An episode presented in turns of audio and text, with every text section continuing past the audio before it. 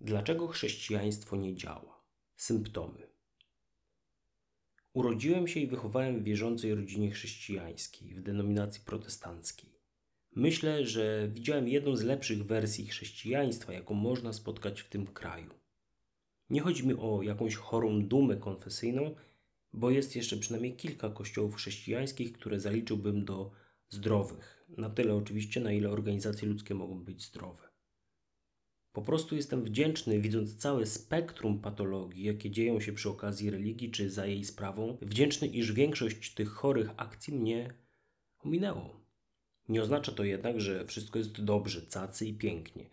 Ponadto chrześcijaństwo, dzięki Bogu, to znacznie więcej niż tylko mój kościół. To cały wachlarz rozmaitych tradycji, społeczności, różnorodność myślenia, modlenia się, działania i bycia. Zatem, gdy będę mówił o chrześcijaństwie, to będę odnosił się do rozmaitych przejawów tej dwudziestowiekowej tradycji religijnej, jakie można obserwować we współczesnej Polsce, chyba że zaznaczę konkretnie obszary konfesyjne czy organizacyjne. Sekularyzacja młodego pokolenia.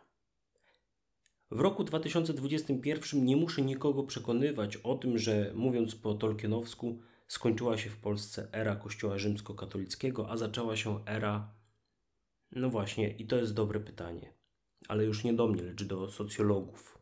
Zjawisko sekularyzacji nie jest ani nowe, ani szczególnie zaskakujące i wpisuje się w większą zmianę społeczną, której początku można upatrywać w ostatniej dekadzie XX wieku, a także w jeszcze szersze zmiany kulturowe opisywane pojęciem postmodernizmu.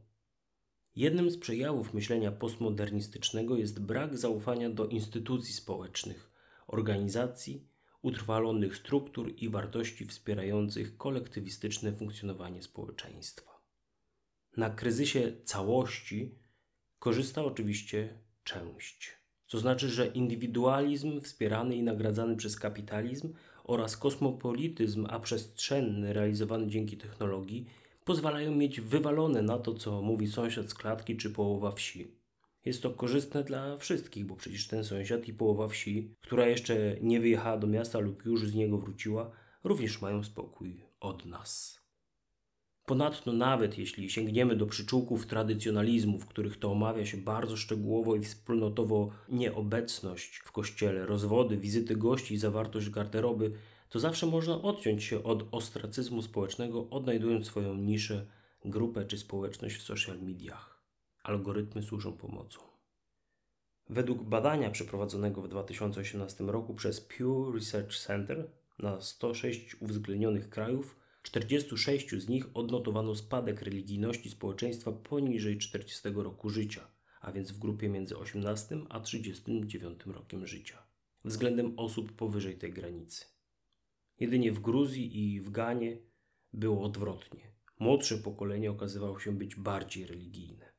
Powiedzieć, że Polska wpisuje się w ogólnoświatowy trend to za mało. Okazuje się, iż polskie społeczeństwo jest liderem w procesie sekularyzacji. Oprócz tego, że osoby poniżej 40 roku życia mówią, że religia nie jest dla nich ważna, to różnica między młodszym i starszym pokoleniem okazała się najwyższa spośród wszystkich 46 krajów, a wyniosła 23 punkty procentowe.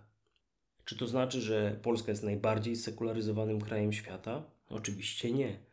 Wiele krajów już dawno było w tym miejscu. Po prostu proces zrywania z religią odbywa się w Polsce najwidoczniej ze wszystkich badanych państw.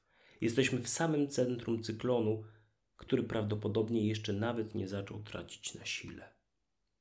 Emancypacja młodzieży.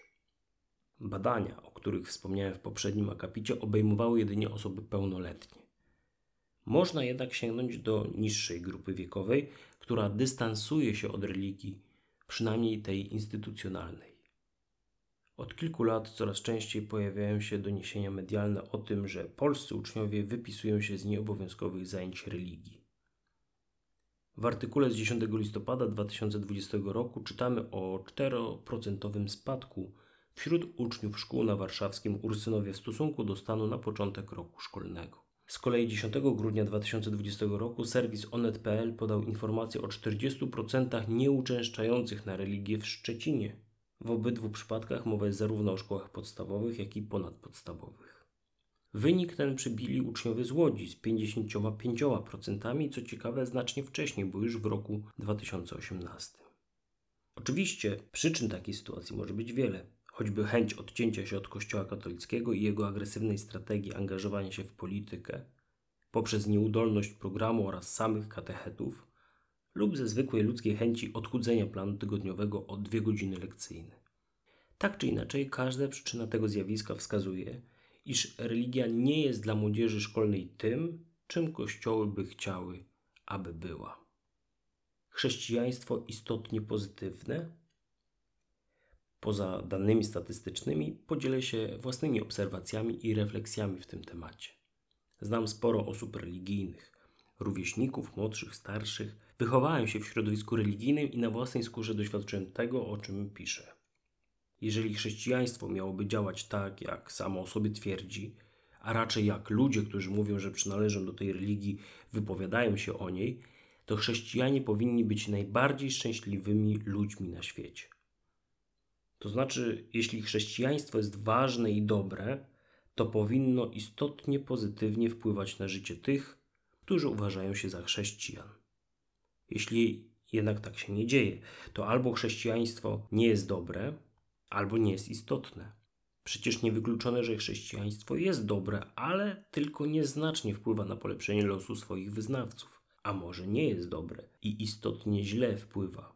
Widzę również trzecią opcję, o której powiem nieco po, pod koniec tej serii. Wracając do tematu, bycie chrześcijaninem nie zapewnia niczego na mocy samej nazwy, faktu czy nawet wiary. Chrześcijanie umierają, chorują, czynią źle, upadają, przepraszają, popełniają błędy, tracą nadzieję oraz popełniają samobójstwa. Inaczej mówiąc, chrześcijaństwo, a raczej to, co zwykliśmy nazywać chrześcijaństwem, nie działa, ponieważ niezależnie od wieku, płci, statusu majątkowego, chrześcijanie mogą wieść dobre lub złe życie, szczęśliwe bądź nieszczęśliwe. I odwrotnie, ateiści mogą być szczęśliwi, uśmiechnięci, a większość z nich to wartościowi i otwarci ludzie. Ciąg dalszy nastąpi. W następnych wpisach z tej serii zajmę się diagnozą problemu, w której odniosę się do takich jednostek chorobowych jak intelektualizm oraz pseudointelektualizm epistemiczny, formalizm organizacyjny oraz hipokryzja, fundamentalizm oraz fanatyzm religijny, etyka kolektywistyczna, irracjonalizm oraz ignorancja, separatyzm i dualizm teologiczno-antropologiczny. Dziękuję za uwagę i do usłyszenia. Sensoholik, czyli Konrad Pasikowski.